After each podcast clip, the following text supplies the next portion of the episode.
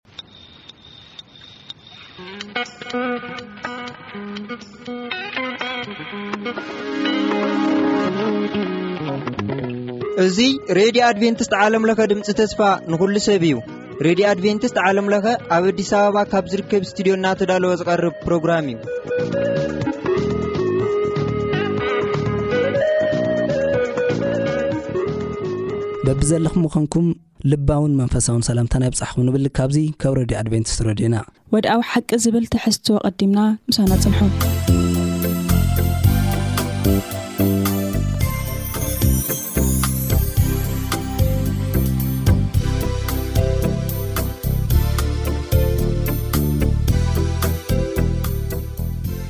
ሰላም ሰላም ኣቦቦቱ ኮንኩም መደባትና እናተኸታተልኩም ዘለኹም ክቡራት ሰማዕትና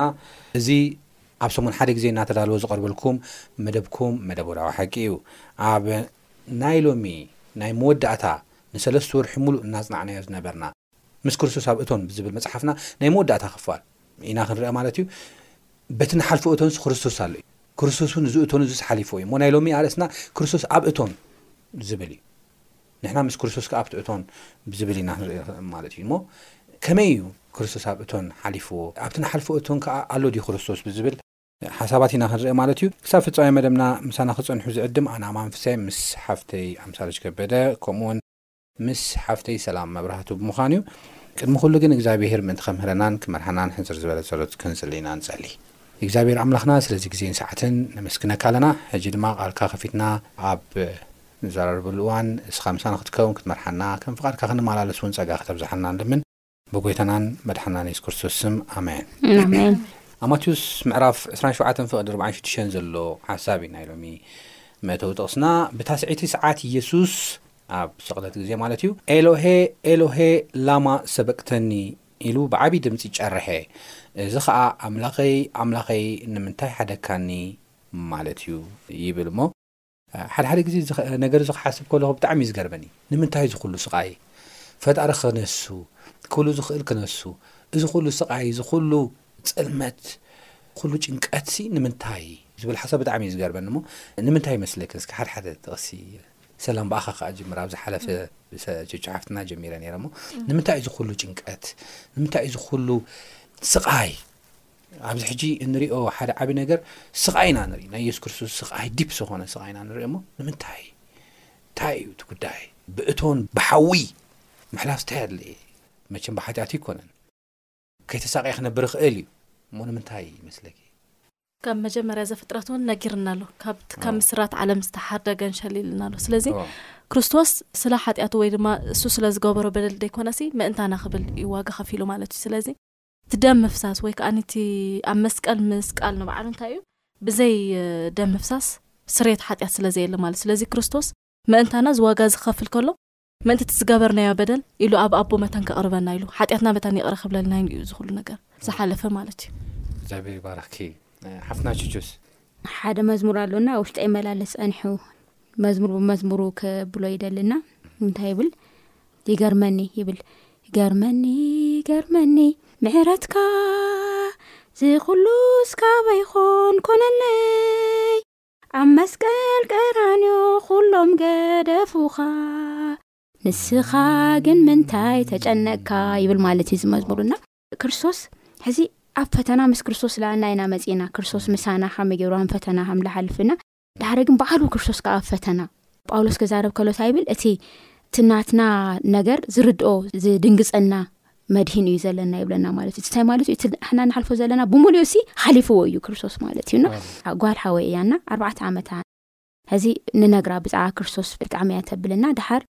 ሓደ መዓልቲ እንታይ እያ ትርኢ ኣብ ቴሌቭዥን እናርኣየት ክርስቶስ ጸልዩ ልብል እንትንዮሞ ሃምዚ ኢሉላ ጸለየ ተንበርኪኩ ትርኢ ማለት እዩ ምስሊ ትርኢ ሞታይ ትብል ዋእ ዳዲ ገለ ትብል ማለት ሃ ኣሕናሲ ናብ ባባ ጂሰስ ኢና ንጽሊ እሱኻ ናብ መን እዩ ይጽልዩ ኣሎ ኢላ ክትሓትት ኣርባዕተ ዓመት እያ እንግዲህ ኣብ ኣእምሮ መጺዋ ካብኡ ንኣኣ ክነረዳእ ንፍትን ነርና እና እንታይ እዩ ክርስቶስ ሰብ ምስ ኮነ ኣብ ምድሪ ምስ ወረደ ቃንቶ ኢልና ኢና ዋዶ ኣርሱ እስካብ ባርያ እስካብ ልኾም ናብ ምድሪ ኣትሒቱ ክመጽእ ከሎሲ ኣብ ምድሪ ዘሐለፎም ነገራት ኢና ክንርኢ ሕዚ ሎማዓንቲ እቲ ኣሕና ንሓልፎ ዘበለ ኩሉሲ ሓሊፍዎ እዩ ንሱ ዝሓለፎሲ ክንዲ ክንዲ ርብዕሲ ኣሕና ኣይሓለፍና ማለት እዩ ስለዚ እዚ ናሓሰብና ኢና ኣብ ክርስቶስ ክንድገፍ ዘለና እዚ ናሓሰብና ኢና ኣብ ክርስቶስ ኣርስና ክነወድቕ ዘለና ማለት እዩ እና እዚ እዩ ክንርኢ እግዚኣብሔር ይባርኽክን ብጣዕሚ ደስ ዝብል ሓሳብ ኢኽን ሂብክናና ባርናብቲ ናይ መጀመርያ ሕቶይ ክኣቱ። ካብ ህፃነቱ ሕጂ ሎማዓንቲ ንሪኦ ከምቲ ቅድም ኢልኪ ቹቹ ሓፍትና ዝገለፅክዮ ኢየሱስ ክርስቶስ ሲ ኣብ ክንዳና ዝሰቃዩ ስቃይ ሲ ክሳብ ክንደይ ከቢድ ምዃኑ ኢና ክንርኢ ብሓፈሻ እሞ እስኪ ካብ ህፃነቱ ንጀምር ናይ ኢየሱስ ክርስቶስ ህፃነት ኢየሱስ ክርስቶስ ገና ካብ ህፃነቱ ጀሚሩ እዩ ፈተና በፂሕዎ ኢንፋክት ኣብ ማቴዎስ ን ከድናም ንሪኢ ኣለዋን ንዕኡ ንምቕታል ተባሂሉ እውን ብዙሕ ህፃናት ሞይቶም እዮም ከቢድ ሽግር እዩ በፂሕዎ እሞ እንታይ እዩ እቲ ፈተና ዝበፅሖ ኣብቲ ናይ የሱስ ክርስቶስ ናይ መጀመርያ ፈተናታት ካብቲ ናይ የሱስ ምውላድ እንተ ርእና ማለት እዩ የሱስ ኣብ ምንታይ ክውለድ እዩ ብትንቢት ተነጊሩ ነይሩ ኣብ ቤትልሄም ማለት እዩ ስለዚ ናብኡ ንምኻድ ንባዕሉ ብዙሕ ሽግር እዮም ሓሊፎም ማለት እዩ ብብዙሕ መገዲ ብብዙሕ ጋዕ ገልጠም ክኸዱ ከለዉ ኢና ንርእዮ ወላ በዓል ማርያም ማለት እዩ ማርያምን ዮሴፍን ደሓር ከኣ ምስ ተወልደ ከኣኒ ሄሮዶስ ይደልዮ ከም ዝነበረ ኢና ንርኢ ማለት እዩ ምክንያቱ ነቶም ሰብ ጥበብ ኣበይ ከም ዘሎ ረኣይዎ እሞ ኣበይ ከም ዘሎ ንገሩኒ ክብሎም ከሎ ክቐትሎ ስለ ዝደለ ኢና ንርኢ ማለት እዩ ስለዚ እቲ ናይ ሰይጣን ስራሕ እዩ ዝኸኣ ዘርእየና ማለት እዩ ሰይጣንሲ ክርስቶስ ክውለድ ኣይደልን እዩ ነይሩ ካብ መጀመርያ ማለት እዩ ምክንያቱ ክርስቶስ እንተ ደኣ ተወሊዱ ሓጢኣትና ይቕረ ከም ዝብለልና፣ ኩሉ እቲ ኣብ መንጎ ኣምላኽን ኣብ መንጎ ሰብን ዝነበረ መጋረጃ ከም ዝቕደድ፣ ናብ ኣቦ ከም ንቐርብ ስለ ዝፈልጥ፣ ሓጢኣትና ይቕረ ከም ዝብለልና፣ ከም ዝሕደገልና ስለ ዝፈልጥ፣ ነዚ ነገር እዚ ንኺከውን ብዙሕ ፈተናታት የጋጥም ነይሩ ማለት እዩ። ደሓር እውን ክርስቶስ ምስ ተወልደ ኸኣ ኣብ ምንታይ እዩ ተወሊዱ እንተ ኢልና ኣብ መን ምዕባል እዩ ማለት እዩ። እዚ ኸኣ ብጣዕሚ ደሓሰረ ነገር እዩ። ምኽንያቱ ቦታ ስኢኖም ኣብቲ ዝኸድዎ መዕረፊ ጋይሽሲ ዋላ ሓንቲ ቦታ ዝበሃል ኣይነበረን። ስለዚ ወሪዱ ኣብ ምንታይ ክውለድ ከሎ ኢና ንርኢ ኣብ መብልዕማል ማለት እዩ።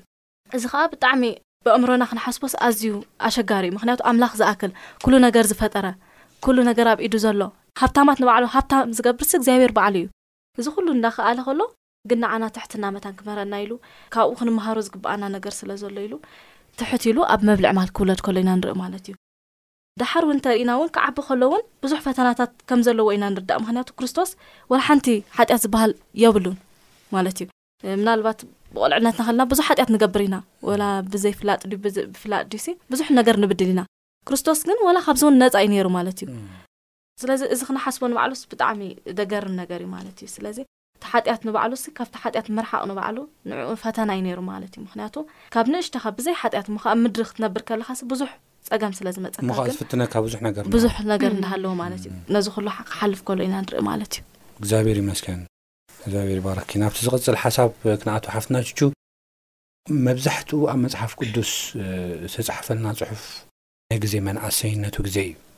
እስፔሻሊ ከኣ ኣብቲ ናይ ኣገልግሎቱ ግዜ ኣብቲ ናይ መወዳእታ ናይ ሰለስተ ዓመት ዘገልገለን ኣገልግሎት እዩ እዞም ሲኖፕቲክ ጎስፐልስ እንብሎም ከምኡ ውን ምስ ዮውሃንስ ወንጌል ሓዊስካ እዞም ወንጌላት ብምልኦም ኣብቲ ናይ ግዜ መንእሰይነቱ እስፔሻሊ ከኣ ኣብቲ ኣገልግሎት ዝጀመረሉ ግዜ ጀሚሩ እዩ ሰፊሕ ጽሑፋት ነጊሮምልና እሞ ከመይ ተቐቢሎሞ ህዝቢ ከመይ እዩ ሓሊፍዎ እዚ ኩሉ ፈተና? እወ ኣብ ማቴዎስ ክንርኢ ከለና ማቴዎስ ዓሰርተ ክልተ ካብ ዕስራን ክልተን ጀሚርና ክንርኢ ከለና ሓደ ጋኔን ዝሓደሮ ዕዉር ኣባስ ሰብ ነይሩ ማለት እዩ በዚ ኩሉስ ብሰለስተ ነገር ዝሳቀ ማለት ጋኔን ኣለዎ ካብ ዕዉር እዩ ካብ ኣባስ እዩ ካብ ምንም በቃ ሰብ ምዃኑ ከብለበሉ እዚ ሰብ እዚ ምስ ክርስቶስ ምስ ኣምጽኦ እዚ ክርስቶስ ከም ዝዓወዮ ኢና ንርኢ ማለት እዩ ዓውይዎ ምስ በለ ፈሪሳውያን እንታይ ኢሎሞ እዚ ሰብ እዚ ሲ ኢሎም ኣነ ጋኔን ብኤልዛቡል ዘለዎ ጋኔን ኣብ ውሽጡ እዩ እንዮ ስለዚ እዩ ጋኔን ዘውጽእ ኢሎም ክጸርፍዎ ከለው ኢና ንርኢ እዚ ማለት እንታይ እዩ ኣጋንንትስ ብሓለቓ ኣጋንንቲ እዩ ዘውጽእ እዋ ነይሮም እሞ ስለዚ ኣጋንንቲ ሲ ንኣጋንንቲ የውጽእ እሞ ኢሎም ክጸርፍዎ ከለው ንርኢ ሐዚ ክርስቶስ እዚ ሓሳቦም ምስ ፈለጠ ድማ እንታይ ኢልዎም ንሓድሕዲኣ ትፈላለ መንግስቲ ኣይጸንዕን ኢልዋ ማለት እዩ ንምንታይ ጋኔን ንጋኔን ሃመ ገይሩ እዩ ሓዲኡ ምስ ኣዲኡ ተተፈላልዩ ኣይረዳድኣን ክብተን እዩ ስለዚ ጋኔን ኢሎም ክጸርፍዎ ከሎ ኢና ንርኢ። ስለዚ ተቐባልነት ኣይነበሮን። ከምኡ ከኣ ኣብ ሉቃስ ካይድና ክንርኢ ከለና ሉቃስ ኣርባዕተ እውን ካይድና ክንርኢ ከለና ከኣ ኣብ ሉቃስ ኣርባዕተ ካብ ዕስራን ሓደን ጀሚርና ክንርኢ ከለና ከኣ እንታይ ገይሩ ንርኢ ክርስቶስ ይዛረቦም ነይሩ ጽሁፍ እዚ ተፈጺሙ ኣባኹም እናበለ ይዛረብ ኣበይ መጺኡ ነይሩ ናብቲ ዝዓበየሉ ምድሪ ናብ ናዝሬት ማለት እዩ ናዝሬት በዓሉ ኣብኡ እዩ ዓብዩ እንዳውም ናትናኤል ሓደ ግዜ እንታይ ኢሉ እሞ ካብ ናዝሬት ሲ ገለ ሰናይ ነገር ክወጽእ ዶ ትብለኒ ኢልዎ ወዶ ናትናኤል ኣብ ክርስቶስ ምስ መጸ ማለት እና ኣብቲ ሰናይ ለይወጸላ መሬት ዓብዩ ክርስቶስ እና ናብኣ ተመሊሱ ከም ዝመጸ ኢና ንርኢ ድሕሪኡ ግን እንታይ ይብሉ ይብሉ ጸኒሖም እዚ ወዲ ዮሴፍ ዶ ኣይኮነን እዩ ወዲ ዮሴፍ ማለት እንታይ ማለት እዩ ወዲ ድኻ ዳኾነ እዩ ምንም ለይረብሕ ኣብዚ ዓይንና ላርኤ ዝዓበየ ዳኾነ እዮም ይብሉ ጸኒሖም ማለት እዩ ብድሕሪኡ ግን ተንሲኦም እንታይ ገሮም ካብ ዓዲ ናብ ወጻኢ ኣውጺኦም ክተጽድፍዎ ከኣ ናብ ገምጋም እታ ዓዶም ተሰርሕትሉ ዘላ ከረን ወሰድዎ። ቁጽሪ ሰብዓተ፣ ቁጽሪ ሰላሳ፣ ዕስራን ትሽዓተን ሰላሳን እየ ኣንብብ ኣለኹ፣ ወሰድዎ። ንሱ ግና ብማእከሎም ሓሊፉ ከደ ይብል። ክቐትልዎ ይደልዩ ከም ዝነበረ፣ ብጣዕሚ ጽሉእ ከም ዝነበረ፣ ሰብ እንግዲህ ትቐትሎ ሰብ እንድሕር ደሊኻ ናይ መወዳእታ እዩዋዶ ናይ መወዳእታ ትጸልኦ እዩ ክመውት ክጠፈእልካ ትደሊ ማለት እዩና ክቐትልዎ እውን ይደልዩ ከም ዝነበሩ ኢና ንርኢ። ከምኡ እውን ኣብ ዮን ዮሃንስ ሸሞንተ ከይና ክንርኢ ከለና ከኣ ኣብ ዮሃንስ ሸሞንተ ካብ ፈቕዲ ሓምሳን ሸሞንተን ከዓ ክንርኢ ከለና ከምዚ ይብል ሓሳብ ኣሎ ሓምሳን ሸሞንተን ከምዚ ይብል የሱስ ከዓ ኣነ ኣብርሃም ከይተወልደ ከም ዘለኹ ብሓቂ ብሓቂ ይብለኩም ኣለኹ በሎም ስለዚ ክድብሩ ኢሉ እምኒ ኣልዐሉ የሱስ ግና ተሓብአ ካብ ቤት መቅደስ እውን ብማእኸሎም ሓሊፉ ወፀ ብል እምኒ ኣልዒሎም ከዓ እንደገና ክጭፍልቕዎ ክድብሩ ኢሉ ከም ዝጓዩ ከም ዝነበረ ንርኢ ማለት እዩና ክርስቶስ የሱስ ሞሎኮታዊ ካብ ሰማይ ናይ ሰማይን ናይ ምድርን ፈጣሪ ኮይኑ ከሎ ነታ ጸልማታም ልመልኣ ነዛ ሓጢኣተኛ ዓለም ኣብ ምድሪ መጺኡ ክመላለስ ከሎ ከምዚ ዓይነት ፈተናታት ከም ዝገጠሙ እሞ ከዓ ከድህኖም ኣብ ዝመጽኡ ህዝቡ ማለት እዩ ከድህኖም ኣብ ልመፁ ህዝቢ እዩ ከምዚ ኮይኑ ዝኾነ ማለት እዩ ተቀባልነት ኣይረኸበን ነይሩና እዚ ታይ እዩ ለርእየካ ሓደ ወዲ ወይ ሓደ ቆልዓ ኣብ ስቃይ ይህሉ ወላዲ ንውሰድ እሞ ሓደ ኣቦ ንውሰድ እሞ ወዱ ኣብ ስቃይ እኒኦ ብዝተፈላለየ መንገዲ ብዝኣተዮ ብባዕሉ ምርጫ ብኣብ ዝኣተዮ መንገዲ ኣብ ስቃይ እኒኦ ማለት እዩ እቲ ኣቦ እንታይ ይገብር መፍትሒ ሒዙሉ ይመፅእ ካብቲ ስቃይ ዝወፅኦ መንገዲ ማለት እዩ ካብኡ ግን ችድንየኻ ኣይደልየካን ችድንየኻ ኣነ ሕዚ ሓደ ሓወይ እኒአኒ ብባዕሉ ምርጫ ላብ ለይኮን ናብ ወልፊ ላብ ምናም ምናም ላእቲ ሓው እኒኤኒና ንኡ ወለዱ በቃ ንኡ ካብቲ ዘለዎ ቦታ ካውፅኡ በቃ ብጣዕሚ እዮም ልፍትኑ ማለት እዩ ብጣዕሚ እዮም ልደልዩ ግን እንታይ ገብር እቲ ናይ መጀመርያ ነገር ወለዱ ዩ ክፀልኦም ክፀልእ እዩ ዝገብር ማለት እዩ ክፉእ እቲ ኣጋንንቲ ኣውሽጡ ውሽጦም ዘሎ እንታይ ገብር እቲ መጀመርያ ነገር ወላዱ ይፀልእ ኣሕዋቱ ይፀልእ ማለት እዩ እሞ ከዓ ሓውካ ወይ ወላዲካ እዩ ካብዚ ነገር እዚ ካውፀእካል ይኽእል ተጨኒቁ በቃ ግዜ ሒቡ ካውፀእካል ይኽእል ማለት እዩና እዞም ሰባት እዚኦም ልክዕ ከምዚ ሓወይ እዮም ነይሮ ማለት እዩ ክርስቶስ ከድሕኖ መፅኡ ከሎ ክበፅሐሎ መፅኡ ከሎ ግን ሪጀክት ክገብሮ ከሎ ነቲ ናቱ ምድሓን ከብልዎ ከሎ ኢና ንርኢ ኣለናና ኣይጣዕሞን ኣብ ምድሪ ክነብር ከሎ በቃ ተሓጒሱ በቃ ጽቡቅ ስለ ዝገበረ በቃ ይግባኣካ ክብሪ ተባሂሉ ተከቢሩ ኣይኮነን ምእንታና ክብል ኩሉ ክሓልፎ ዝግብኦ ነገር ሓሊፉ እዩ ማለት እዩ። ካብ ዝገርምሲ እቶም ከምዚ ኢሎም ዝጸርፍዎ ዝነበሩ በብዝኸዶ ዝቃወምዎ ዝነበሩ በብዝኸዶ ድማ ከም በቃ ውዲት እናስርሑ ከጥፍኡ ዝፍትኑ ዝነበሩ ሰባትሲ ክርስቶስ ግን ኣይፈለጥዎን እምበር ንዕኦም እውን እዩ ክሞተሎም እቲ ትዕግስቲ ምግባርስ ንዕኦም ምዃኑ እዩ እሶም ግን ኣይተረድም ኣብቲ ግዜ እቲ ሪኣክት ዝገብር ናቶም መድሓኖም ምፀልመተ ነይሩ ብርግፅ ባይዘወይ ድሕሪ የሱስ ክርስቶስ ስቕለት ብዙሓት ካብ ፈሪሳውያን ንባዕሉ እንታይ ገይሮም እዮም ጎይታ ተቐቢሎም እዮም ከም መድሓኒ ገይሮም ተቐቢሎም እዮም ናብ ቤተ ክርስትያን ኣትዮም እዮም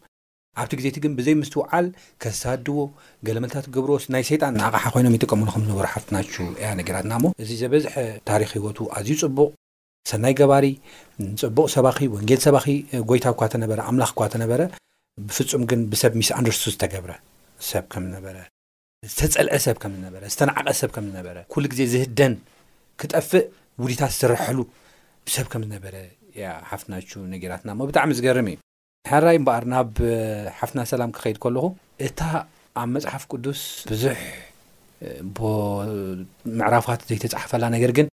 ማእኸል ናይ መጽሓፍ ቅዱስ ኢልና ንጠቕሳ ናይ ጌተሰማኒ ጉዳይ እዩ። እታ ግዜ ስለ ዘይበጽሐት እዮም ሽዑ ዘይቀተልዎ። እታ ግዜ ግን በጺሓ ዝበለላ ግዜ እያ ጌተሰማኒ። በጺሓ እያ እታ ግዜ ዝበለላ ግዜ እሞ ነይሩ ናይ ጌተሰማኒ ኤክስፒሪንስ ከመይ ነይሩ ኣይተረድእዎን ካልኦት እዚ ኩሉ ጭንቀት መቸም ቁሪ እዩ ነይሩ ኣብ ግዜ ቁሪ ሲ ርሂፅካ ሓሊፉ ከዓ ትርሃፅ ከዓስ ናብ ደም ተቐይሩ ጥብጥብ ክብል ከሎ ማለት ክሳብ ክንደይ ዲፕሬሽን ክሳብ ክንደይ ሰውነቱ ኣብ ስትረስ ኣብ ዲፕረስ ኣብ ጭንቀት ኣብ ውጠት ኣትዩ ከም ዝነበረ ዘርእና ይመስለኒ እሞ ኤኒወይ ብሓፈሽኡ ሓፍትና ሰላም ከመይ ትርእዮ እስኪ ናይ ጌተሰማኒ ጉዳይ ጌተሰማኒ እታ ጥቕሲ ኣብ ምንታይ ኢና ንረኽባ? ኣብ ማርቆስ ዓሰርተ ኣርባዕተ ኢና ንረኽባ ሰላሳን ክልተን። ጌተሰማኒ ናብ እትበሃል ቦታ መጹ፣ ንደቂ መዛሙርቱ ኸኣ ክሳዕ ዝጽሊ ኣብ ዝተቐመጡ በሎም። ንጴጥሮስን ያእቆብን ዮሃንስን ምስኡ ወሰደ። ክጕህን ክትክዝን ጀመረ እሞ፣ ነፍሰይ ክሳዕ ሞት ኣዝያ ትጕሂ ኣላ፣ ኣብዚ ዅኑ፣ ንቕሑ እውን በሎም ይብለና ማለት እዩ። ስለዚ፣ ክርስቶስሲ ክሳዕ ሞት ጓሂ ከም ዘጋጠሞ ኢና ንርኢ ኣብዚ ጌተሰማኒ ማለት እዩ። እዚ ኸኣ እንታይ እዩ? እቲ ጾር ናይ ሓጢኣት እዩ ማለት እዩ። ጾር ናይ ሓጢኣት እዩ። ምናልባት ከምዚ ኣቀዲማ ቹቹ ሓፍተይ ትብለ ዝጸንሐት ብዛዕባ ናይ ክርስቶስሲ ዋላ ጽቡቅ እንዳ ገበረ ፈተና ይበጽሖ ነይሩ እዩ ማለት እዩ እቶም ሰባት ኣይቅበልዎን እዮም ነይሮም ግን ካብኡ ዝኸፍእ ከኣ ሕጂ እንታይ እዩ መጺኡ ዘሎ ናይ ኩሉ ሓጢኣትሲ ኣብኡ ክወርድ ከሎ ኢና ንርኢ ማለት እዩ ናይ ኩሉ ሰብ ሓጢኣት እዚ ከኣ እንታይ ማለት እዩ ኣነ ዝገበርክዎ ሓጢኣትሲ ክርስቶስ ከም ዝገበሮ ይርኣ ኩላህና ዝገበርናዮ በቢ ዝገበርናዮ ሓጢኣትሲ መን ከም ዝገበሮ ክርስቶስ ከም ዝገበሮ ማለት ስለዚ እዚ ከኣ ብጣዕሚ ከቢድ እዩ ምክንያቱ ማዕረ ክንደይ ጾር ከም ዝነበሮ የረድኣና ማለት እዩ ስለዚ እግዚኣብሔር ኣብ ከኣኒ ምስ ሓጢኣት እንታይ የብሉን ሕብረት የብሉ ማለት እዩ ስለዚ ገጹ ክኽውል ከሎ እግዚኣብሔር ካብኡ ክርሕቕ ከሎ ኢና ንርኢ ማለት እዩ ስለዚ እዚ ነገር እዚ ንዕኡ ብጣዕሚ ከቢድዎ ከም ዝነበረ ክሳዕ ሞት ኣዝየ ነፍሰይ ኣዝያ ትጉህ ኣላ ክብል ከሎ ንርኢ ማለት ስለዚ እቲ ጾር ናይ ሓጢኣት እዩ ዘርእየና ዘሎ ማለት እዩ ሓጢኣት ስማዕረ ክንደይ ከቢድ ምዃኑ ኣብ ክርስቶስ ዝወረደ ነገርሲ እዚ ዓይነት ክብደት ከም ዘለዎ ኢና ንርኢ ዘለና ማለት እዩ እግዚኣብሔር ይባረኽክን ብጣዕሚ ሓፍትና ቹ ከምኡውን ሰላም ዝገርም ሓሳብ ብጣዕሚ ደስ ዝብል ሓሳባት ኢኽን ትገልጻልና ዘለኻ። እታ ግዜ በጺሓ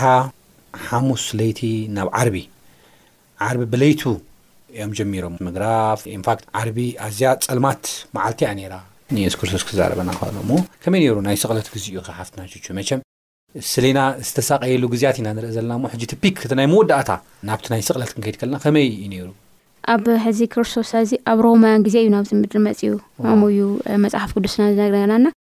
ሮማውያን ከኣ ብመስቀል ዝተሰቀለ ሰብ እንታይ እዩ ተረገመ ወዶ ኣብ ሮማውያን መስቀል ማለት ብጣዕሚ ከቢድ ነገር እዩና ርጉም እዩ ዝስቀል ማለት እዩና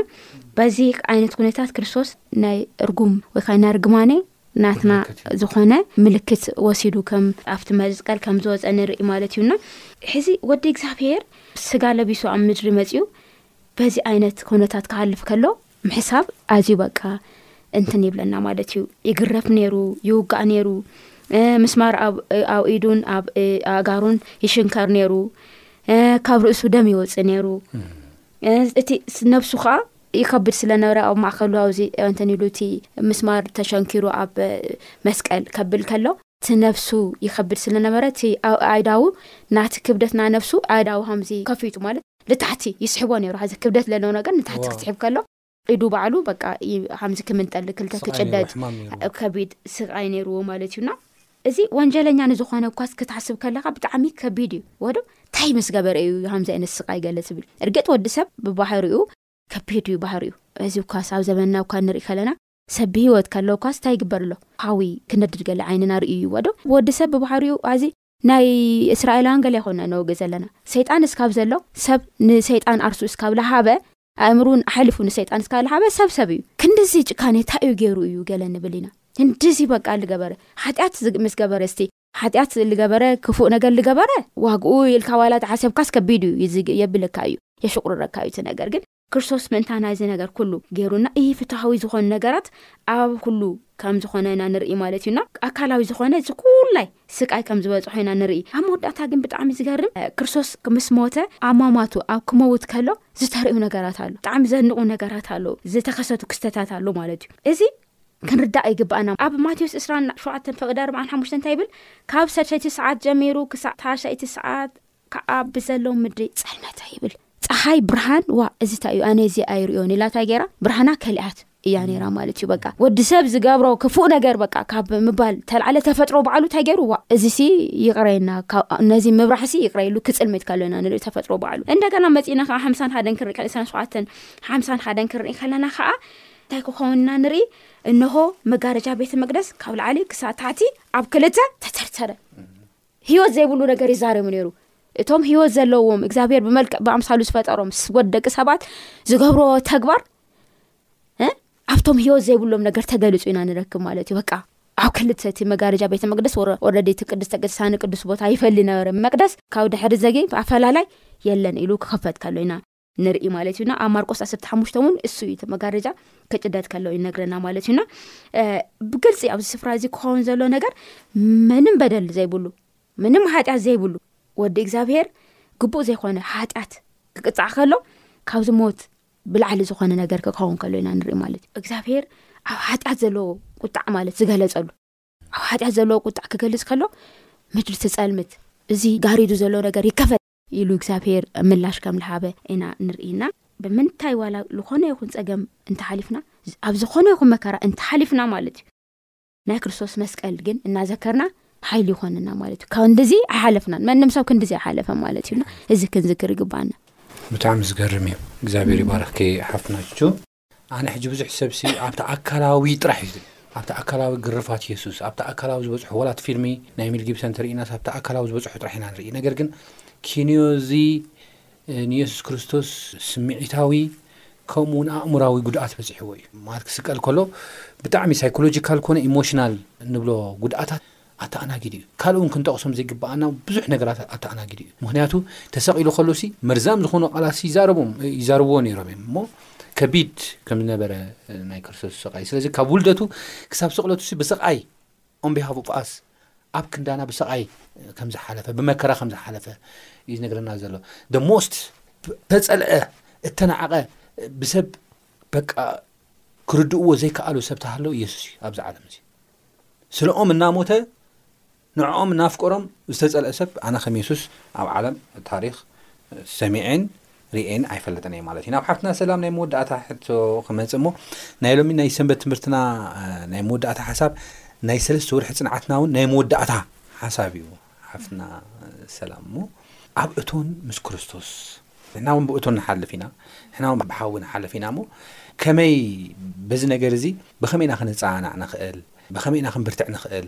ኣጠቓላላይ ናይዚ ትምህርቲ ሓሳብ ከ ብኸመይ ተረዲእኽዮ መጠቓለሊ ሓሳብ ብቑሩብ ደቂቓ ብተን ዘለዋኺ ናይ ሰንበት ትምህርቲ ኣጠቓላሊ ሓሳብ ውን ተሃልይኪ ጠቕሊልኪ ክትውድእልና እንታይ ይብለና ኣብ ዓለም ከለኹም ፈተና ኣለኩም ይብለና ክርስቶስ ስለዚ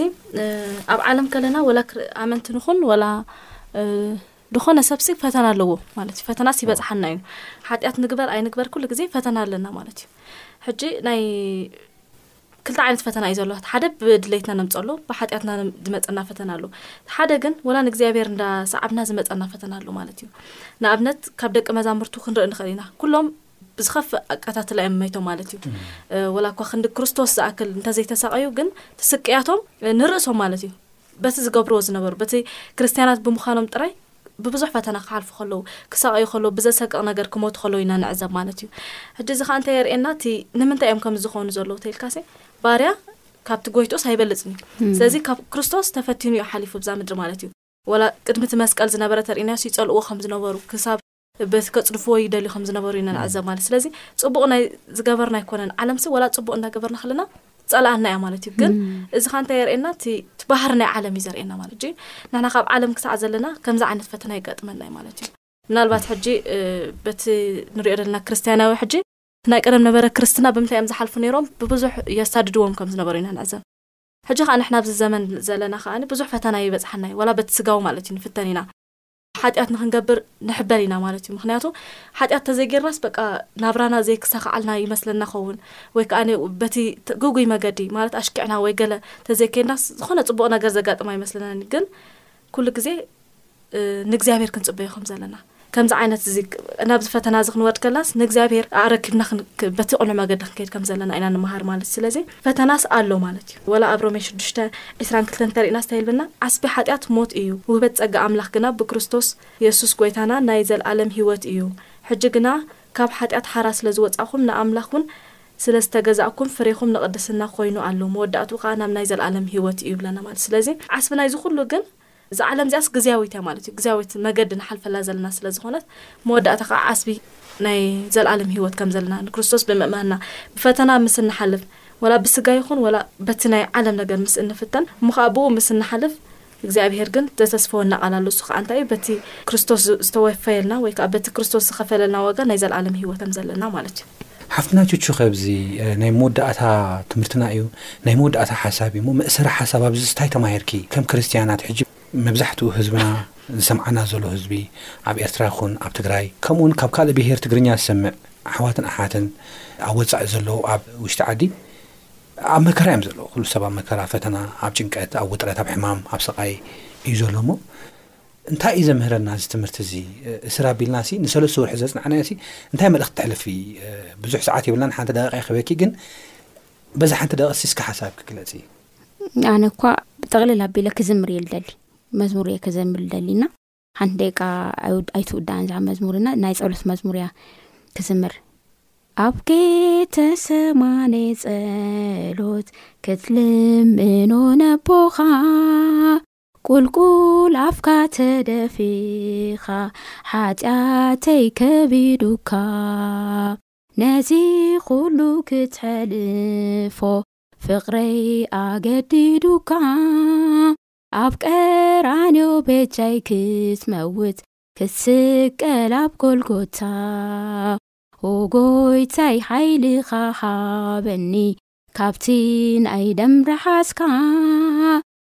ብስንፍናይ ደኺመ እየ ከይርሕቅ ካብ ብሩህ ገጽካ እሞ እታ መዝሙር ጥቕልል ትብል ከላ ካብ ክርስቶስ ካብ ብሩሕ ገጹ ከይንርሕቕ ፈተና እንተበዝሐና ሓይሊ ግን ኣብቲ መስቀሉ ኣሎ እሞ ካብቲ ሓይሉ እናተቐበልና ካብቲ ኣብቲ ብሩሕ ገጹ ኮይና ክንሸግር ክንክእል እግዚኣብሄር ጸጉኡ ያብዝሐና ኣሜን እግዚኣብሄር ይመስገን ክቡራት ሰማዕትና ኣብ ዝነበረና መደብ ከም ተባረኽኩም ተስፋ ንገብር። እምበኣር ንሰለስተ ኣዋርሕ እናረኣናዮ ዝጸናሕና ኣብ እቶን ምስ ክርስቶስ ዝብል ኣርእስቲ ሎሚ ንውድእ ማለት እዩ። እቶን ከቢድ እዩ ሓዊ እዩ ነገር ግን ምስ ክርስቶስ እንተ ኾይንካ ይሕለፍ እዩ። እግዚኣብሔር ይመስገን። እቶን ሓይሊ ኣይህልዎን እዩ። ሲድራቅ ሚድራቅ። ዓብደኔጎ እንታይ ኮይኖም እዮም ኣብ እቶን ኣትዮም ኣብ ሓዊ ኣትዮም እዮም ነገር ግና ሃሞኾምን ኣየጥፍዖምን እሞ ሎሚ እውን ንሕና ኣብ እቶን እኳ ተሃልና ግን ምስ ክርስቶስ ኢና እቲ ብኣይ ዝኣምን እንተ ሞቶ እኳ ብህይወት ክነብር ይብል መጽሓፍ ቅዱስ እሞ እዚ ዓይነት ተስፋ ሒዝና እምነትና ከነጽንሕ ብመንገዲ ክንከይድ ህይወትናን ኩሉ ነገርና ንዑ ክነረክቦ እግዚኣብሔር ጸግኡ የብዝሓልና ኣብ ኣሜን ዝቅጽል ብሓድሽ ብካልእ ትምህርቲ ሒዝናልኩም ክሳብ ዝንቀርብ ሰላም ኩኑ ንዘለኩም ሕቶ ወይ ርእይቶ ግን ሕቶታትኩም ንዓና ደገፍትን ሃነጽትን እዮም እሞ ክትልእኹልና ክትድውሉልና ፖስታ ውን ክትልእኹልና እናተላበና በዚ ዝስዕብ ኣድራሻና ክትልእኹ ተስፋ ንሓተኩም ቁጽርታትን ፖስታና ሚእትን ኣርባዓን ሓሙሽተን ኣዲስ ኣበባ ኢትዮጵያ ወይ ድማ ቁጽሪ ስልክና ዜሮ ትሽዓተ ዓሰርተ ዓሰርተ ኣርባዕተ ሓምሳን ሓደን ዜሮ ሓሙሽተ ከምኡውን ብናይ ሞባይል ቁጽርና ዜሮ ትሽዓተ ዕስራን ሓደን ሰማንያን ሸሞንተን ኣርባዓን ትሽዓተን ዓሰርተ ክልተ ከምኡ ውን ብናይ ኢመይል ኣድራሻና tigsong at gmail dot com ኢልኩም ክትልእኹልና እናዘኻኸርና ኣብ ዝቕጽል ብኻልእ ክሳብ ንራኸብ ሰላም ኩኑ ጎይታ ይባርኽኩም። ቅጽዓት ዘበለ መሪር እዩ ንግዚኡውን ሓጐስ ዘስዕብ ኣይመስልን እዩ። ንዳሕራይ ግና ነቶም ብእኡ ዝሓልፉ ሰላምን ጽድቅን እዩ ዝፈርየሎም እብራውያን ምዕራፍ 12 ቁጽሪ 11